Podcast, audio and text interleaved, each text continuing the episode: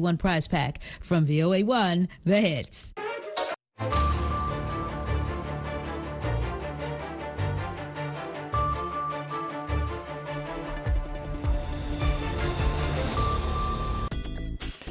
halkani waa washington laantaafka soomaaliga idaacadda v o a oo aad ka dhageysanaysaan mawjadaha gaagaaban efmida geeska afrika iyo caalamka oo dhan oo aad nagala socotaan v o a somaly com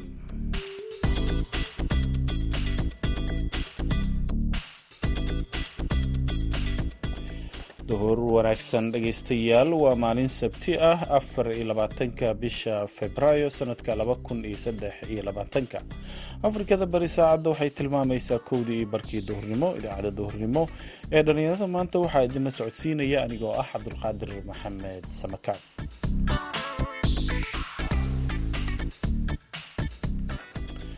qodobada aad ku dhegaysan doontaan idaacadeena duhurnimo waxaa ka mid ah gabdho dhallinyaro ah oo magaalada laascaanood ka hirgeliyey dugsi ay wax ku bartaan kuwa aragala iyo dadka aan awoodin inay iska bixiyaan qarashka iskuulka. Barnaamijkan waxaan ugu talagalay baahida ugu weynaan u asaasay waxa weeyaan markaan arkay in caruuro badan oo u baahan waxbarashadii gaadhana stagekii waxbarashada inay kadib dhaceen. Oo muxuu ahaayey aanay awoodeyn oo loo awoodeyn maanta in ama ay dugsiyo tagaan ama ay iskuulla tagaan oo kale ay igu kaliftay horta inaan sameeyo oo aan bal dadkii inta karaankayga aniga shakhsiyan oo kale aan wax u qabto isku dayo waxaa kalood maqli doontaan xeer ilaalinta soomaaliya oo sheegtay inay hayaan kiisas badan oo la xiriira hooyooyinka ka dhuunta ubadka ay dhalaan iyo kuwa marka ay dhalaan waddooyinka soo dhiga. Waxaa kalood maqli doontaan kaalmihii heesaha iyo ciyaaraha balse intaasoo dhan waxaa ka horreeya warkii dunida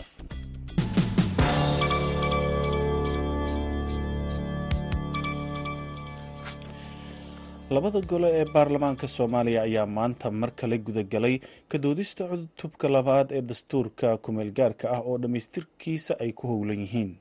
Golayaasha sharci dejinta ayaa soo gebagabeeyey doodihii ku saabsanaa cutubka koowaad ee horey loogu gudbiyey fadhigii maanta ayaa lagu soo bandhigay aragtiyada xildhibaanada ay horey oga dooday ay ka dhiibteen ee ku aadan waxyaabaha ay ku arkeen in lagu kordhiyo ama laga bedelo qodobadii ku jiray cutubkii koowaad cutubka labaad ee maanta la horgeeyay labada gole ayaa qodobada aan horey ugu jirin ee wax kabeddelkiisa lagu soo daray. Waxaa ka mid ah xaqa ilaalinta xogta shaqsiga ah xaqa raacfaan qaadashada xaqa dhalinyaronimada inaan muwaadinka soomaalida loo gacangelin karin dal shisheeye.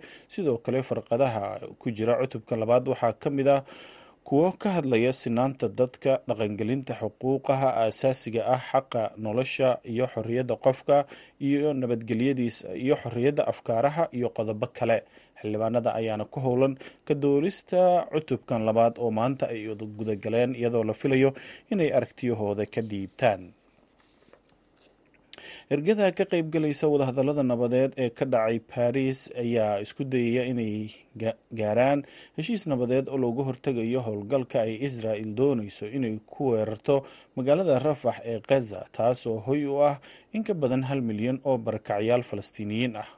Israel ayaa sheegtay inay weerari doonto magaaladaasi haddii aan si dhaqso ah loo gaarin heshiis nabadeed washington oo saaxiib dhowla ah israel ayaa ugu baaqday inaysan sidaasi samaynin iyadoo uga digtay haddii ay weerar ku qaado rafax inay ka dhalan karto khasaare baaxad weyn oo soo gaara dadka rayidka ah. Hogaamiyaha xamaas ismaaciil haniya ayaa ergada dhexdhexaadinta ee masar kula kulmay qaahira si ay uga wada hadlaan sidii loo gaari lahaa heshiis nabadeed israel ayaan ilaa iyo hadda wax falcelin ah ka sameynin halka ay marayaan wadahadallada baris sarkaal xamaas u hadlay oo magaciisa qariye ayaa sheegay in ururkooda uusan soo bandhigin wax hindiso ah oo cusub laakiin ay sugayaan waxa dhexdhexaadiyaasha ay kala soo kulmaan israel ugu dambeyntiina milatariga mareykanka ayaa sheegay inay burburiyeen diyaaradaha aan duuliyaha lahayn ay isticmaalayeen kooxda xuutiyiinta iyo weliba gantaalada lagu weeraro maraakiibta oo yaalay gudaha yeman iyo badda cas. Kadib markii la sheegay inay halis deg deg ah ku yihiin gaadiidka ganacsi iyo maraakiibta dagaalka ee mareykanka taliska dhexe ee mareykanka ayaa sheegay inay bartilmaameedsadeen afar diyaaradood oo ah nooca iswada iyo laba ka mid a gantaalada lagu weeraro maraakiibta kuwaas oo xilligaas ay kooxda xuutiyiinta qorsheynayeen inay weeraro ku fuliyaan. Milatariga mareykanka ayaa sidoo kale sheegay inay soo rideen qaar ka mid a diyaaradaha yaryar ee droniska oo xilligaasi dul marayay markab ganacsi oo marayay badda cas. Mareykanka ayaana weerarkan fuliyey khamiistii iyo jimcadii la soo dhaafay kooxda xuutiyiinta ee gacansaarka la leh iiraan ayaa tan iyo bishii nofembar ee sannadkii hore waxay wadaan weeraro loo adeegsanayo gantaalo iyo diyaaradaha aan duuliyaha lahayn oo ka dhan ah maraakiibta maraya biyaha badda cas si ay taageero ugu muujiyaan falastiiniyiinta. Weerarada xuutiyiinta ayaana tan iyo xilligaas qalqalgeliyey ganacsiga dunida isaga gudba marinbiyoodka muhiimka ah. Dhegeystayaal warkeennii dunidana waa nageynta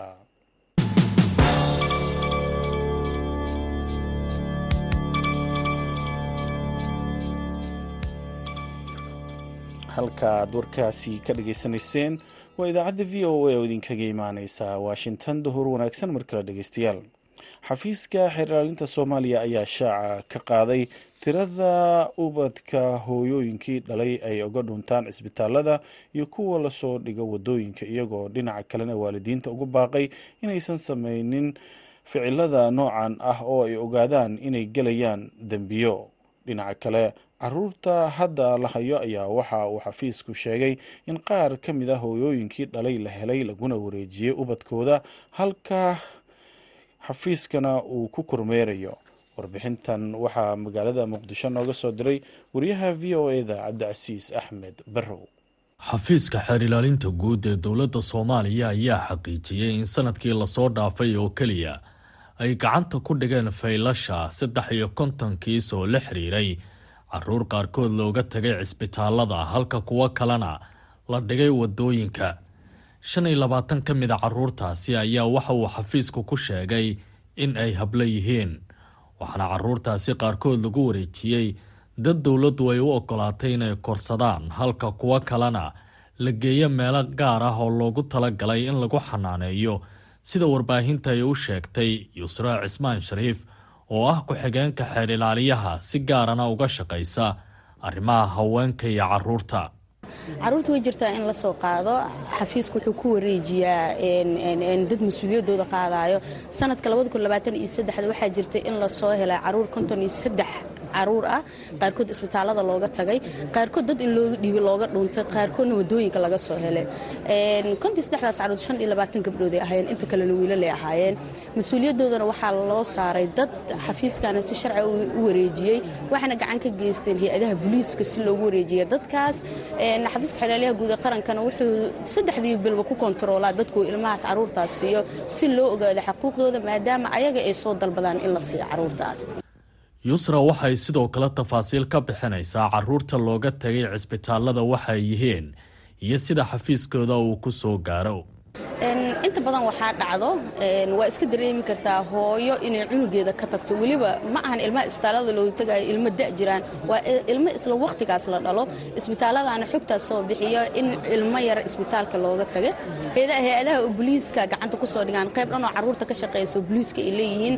Kadibna dukumiintia laga soo sameeya xafiiska lagu socodsiiyaa xafiiskana wuxuu sameeyaa asaga dad ma u raadiyo.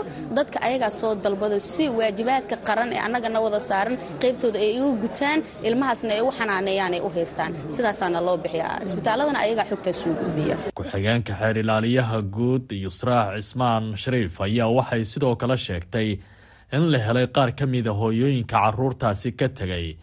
Kadib baaritaano la sameeyana lagu ogaaday in daruufo ay haysteen. Caawisna loo sameeyey kuwaasi oo mar kale lagu wareejiyey. Mas'uuliyadda ilmahooda xafiiskoodana uu ku kormeero ilmo yaroo isbitaalada looga tagay oo markii dambena hooyooyinkooda la helaa jiro oo hooyooyinkana ay sheegteen daruufo badan. Xafiiska xeraalyaha guud ee qarankana caawimaad fiican uu u sameeyey. Hooyooyinkaasna waxay fursad gadaal ay uga heleen maadaama duruufo jira awgeeda ciyaalkooda ay uga tagayeen inay dib u haystaan. Ilaa haddana hooyooyinka ayagoo dhaleen carruurta xitaa aa ku kontaroolo ognahay. Meesha ay haystaan way jiraan hooyooyin dib loo helo ilmahooda dib loogu celiya ugu dambeyntii xeerilaaliya ku-xigeenka yusra cismaan shariif ayaa waxay ugu baaqday hooyooyinka ilmahooda ka tegaya inay ogaadaan inay galayaan laba dembi duruuf kasta oo la soo gudboonaatana aysan dayacin ilmahooda. Oo markii ugu horreysay ee xafiiska xeer ilaalinta uu saxaafadda u sheego tirada rasmiga ah ee ku saabsan sanad qura. Caruurta ay waalidkood uga tagaan cisbitaalada halka kuwo kalena la soo dhigo waddooyinka cabdilcasiis barrow v o a muqdisho haddana dhegaystayaal waxaad ku soo dhowaataan kaalmihii heesaha iyo codadkii suldaan seeraar iyo kiin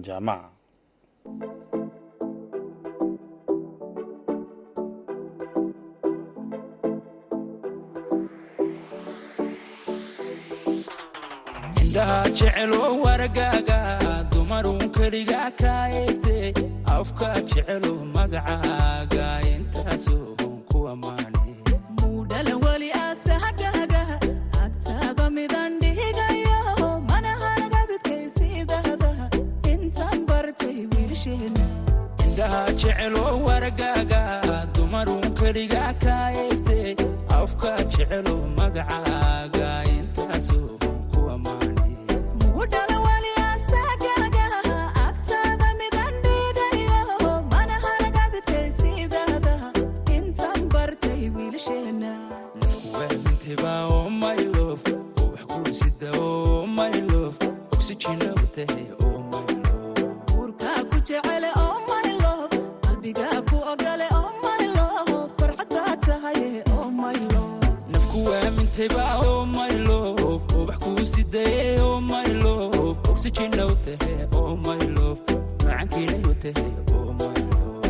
waamintaba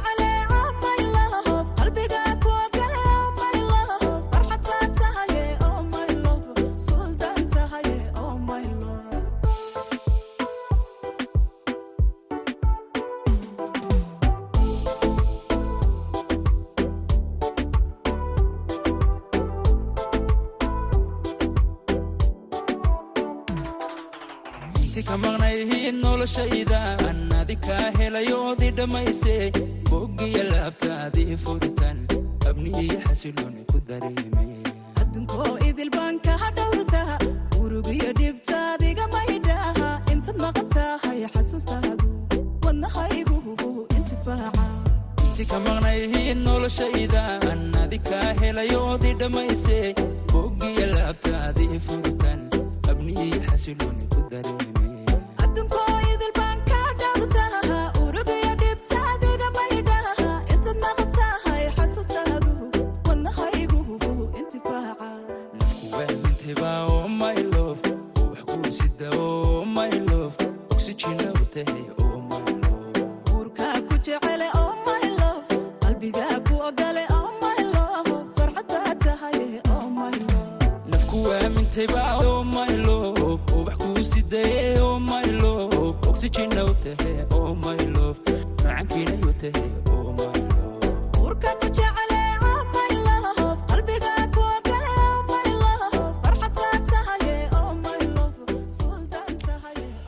intaas aan ku dhaafno heestaasi ay wadajirka uga luuqeeyaan suldaan seeraar iyo kiin jaamac weli waxaad naga dhagaysanaysaan idaacadda v o a oo idinkaga imaaneysa washington. Markana laascanood gabdho aqoon-yahano ah ayaa magaalada laascaanood ka hirgeliyey goob waxbarasho oo ay dhigtaan ardayda maqalka naafada ka ah iyo kuwa danta yar ee aanan awoodin dugsiyada lacagaha lagu dhigto.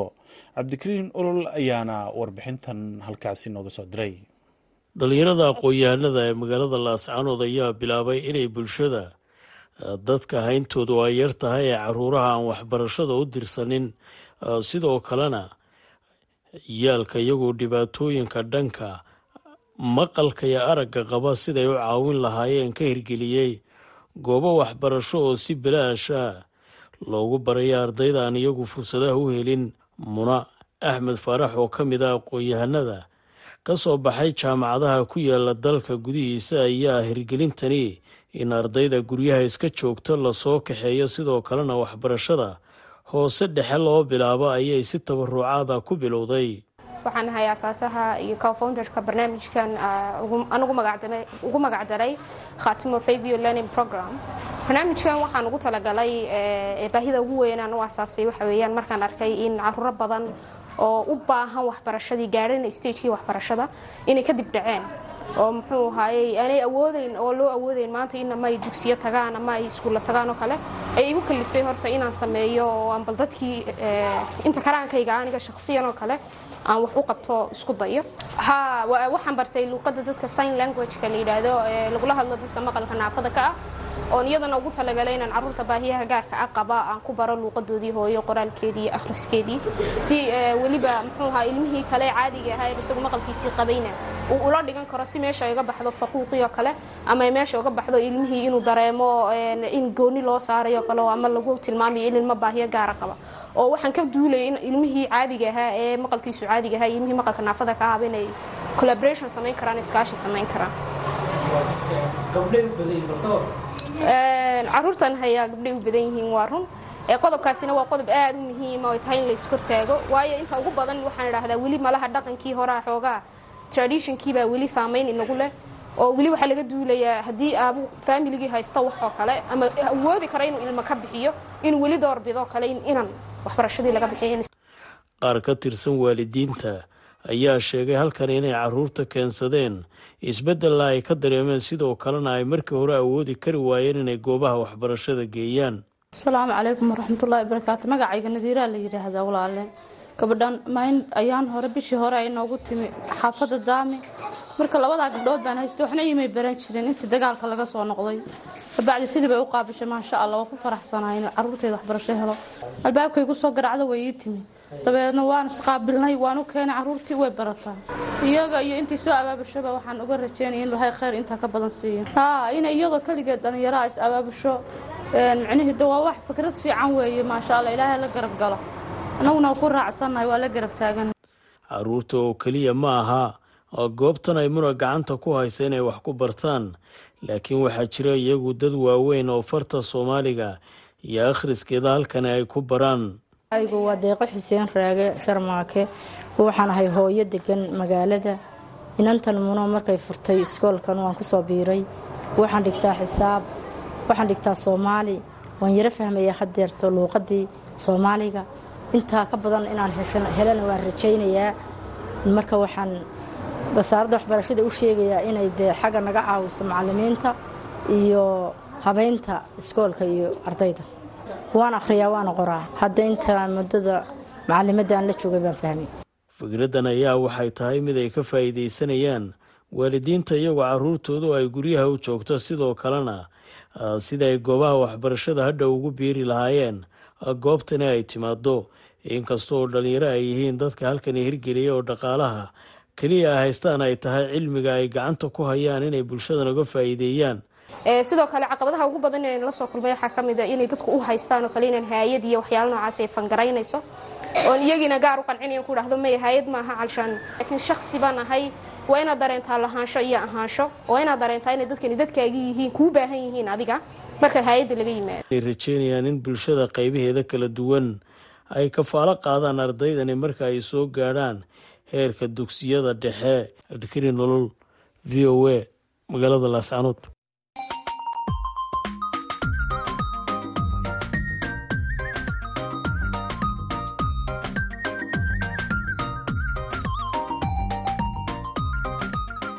bandhiga v o a. Barnaamijka bandhiga v o a waa barnaamij oo idinku tala gashay laanta af soomaaliga ee v o a bandhigga v o a waxaad khamiis walba kaga bogan kartaa qormooyin kala duwan oo la xidhiidha taariikhda iyo aqoonta guud dhaqaalaha sharciga iyo samafalka.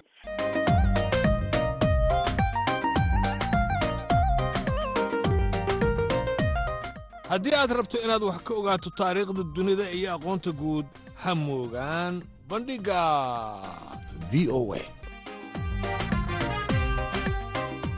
bandhiga v o e kala soco laanta af soomaaliga ee v o e maalin kasta oo khamiis ah.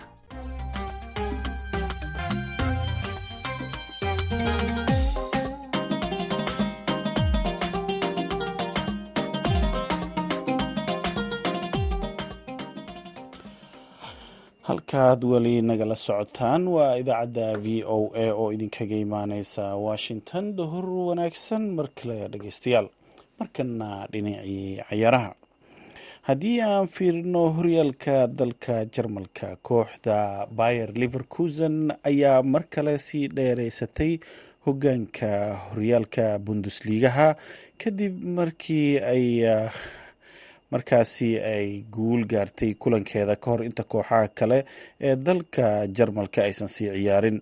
Liverkusen ayaa la ciyaartay kooxda mens ciyaarta waxay ahayd mid aada u adag oo markaasi loo fili karaba inay tahay ciyaarta koowaad ee guuldarro ay la kulmi karto kooxdan kadib markii gool inta ay dhaliyeen ay ka daba timid kooxda mens islamarkaana mens ay isku dayday dhowr jeer inayba ka badiyaan bayer liverkusen laakiin ciyaarta qeybaheedii dambe ayay gool kale heleen.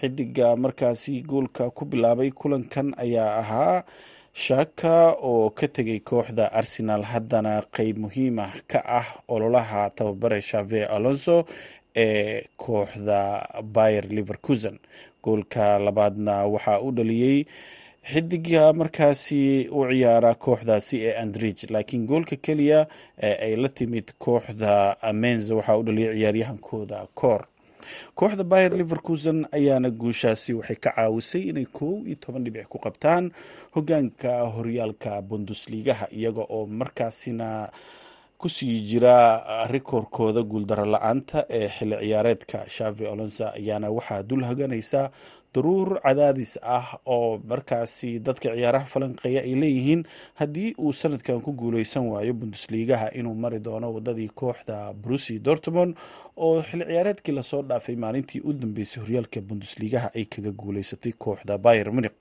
haddii uu ku guuleystana wuxuu soo afjabi doonaa koob iyo toban sano oo xiriir ah oo kooxda bayer munik ay gacanta sare ku haysay horyaalka bundusligaha wixii ku soo kordha waan idiinsoo gudbin doonaa laakiin kulamada maanta dhacaya.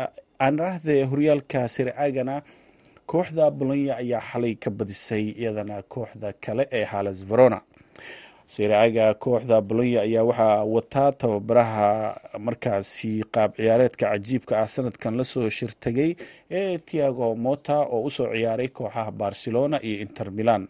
Laba hal ayayna markaasi aanraahdee kooxda bolonya waxay oga badisay labii eber iyagoo garoonkooda jooga. Kulamada kala duwan ee horyaalada maanta jirana waxaa ka mid ah haddii aan ku horeyno horyaalka ingiriiska goordhow oo maanta waxaa la daawan doonaa ciyaar u dhexeysa kooxaha aston villa iyo nottingham forest.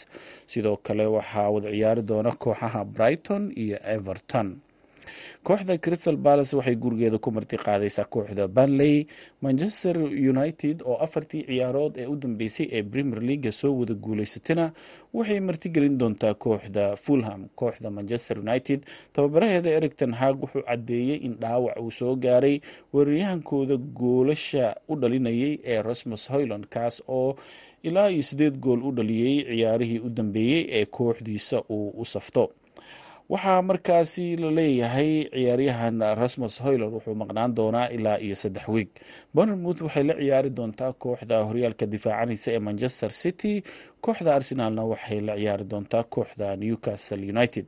Dhinaca la liigaha dalka sbainna kooxda granada iyo granada ayaa martigelinaysa kooxda valencia barcelona iyo khitaf ayaa wada ciyaari doona. Deportivo alves iyo mayorka ayaa isku aadan. Almeria iyo atlantica madridna way wada ciyaari doonaan horyaalka siraaga ee dalka talyaanigana kulamo ka tirsan ayaa la ciyaari doonaa waxaana ka mid a kulamadaasi kan u dhexeeya sisolo iyo empoli salaynatana iyo monza iyo genoa iyo udenesa ayaa ka mid a kulamada maanta dhacaya ee horyaalka siraaga oo ay hogaamineyso kooxda inter milan oo kulan uu baaqi u yahay laakiin inter milan ayaa waxay ka mid tahay kooxaha berito ciyaari doona kulamadooda horyaalka jarmalkana kooxda bayer munik oo daruur cadaadis ah ay dul saaran tahay. Tababaraheeda thomas tushel ayaa waxay martigelin doonaan kooxda labsig waxaana bayer munik ay dooneysaa inay soo yareyso farqiga dhibcaha ee kooxda bayer liverkusen ay kula naalooneyso hogaanka horyaalka bundesligaha. Tababare thomas tushel ayaa markaasi uu xaalka ku xun yahay iyada oo markaasina la leeyahay haddii kulankan laga badiyo wuxuu qarka u fuuli doonaa in shaqada laga eriyo.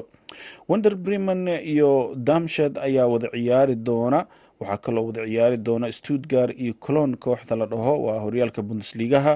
Union berlin iyo hanham ayaa sidoo kale isku aadan halka brusia manchanlabach ay la ciyaari doonto kooxda bocom horyaalka bundesligaha iyo dhammaan horyaalada qaaradda yurub natiijooyinka ku soo kordha iyo weliba sheekooyinka ka dhex abuurma waxaad ku dhegeysan doontaan idaacadaheena dambe. Haddana waxaad ku soo dhawaataan kaalmihii heesaha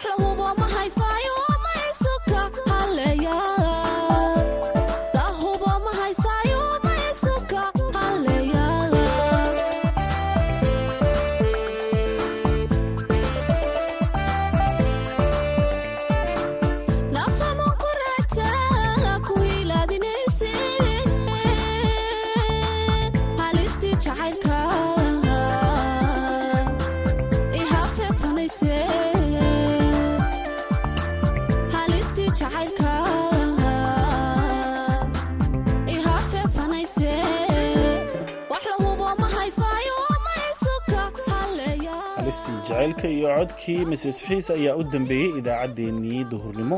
Tan iyo idaacaddeenna galabnimo waxaan idinkaga tegaynaa sidaa iyo nabadgelyo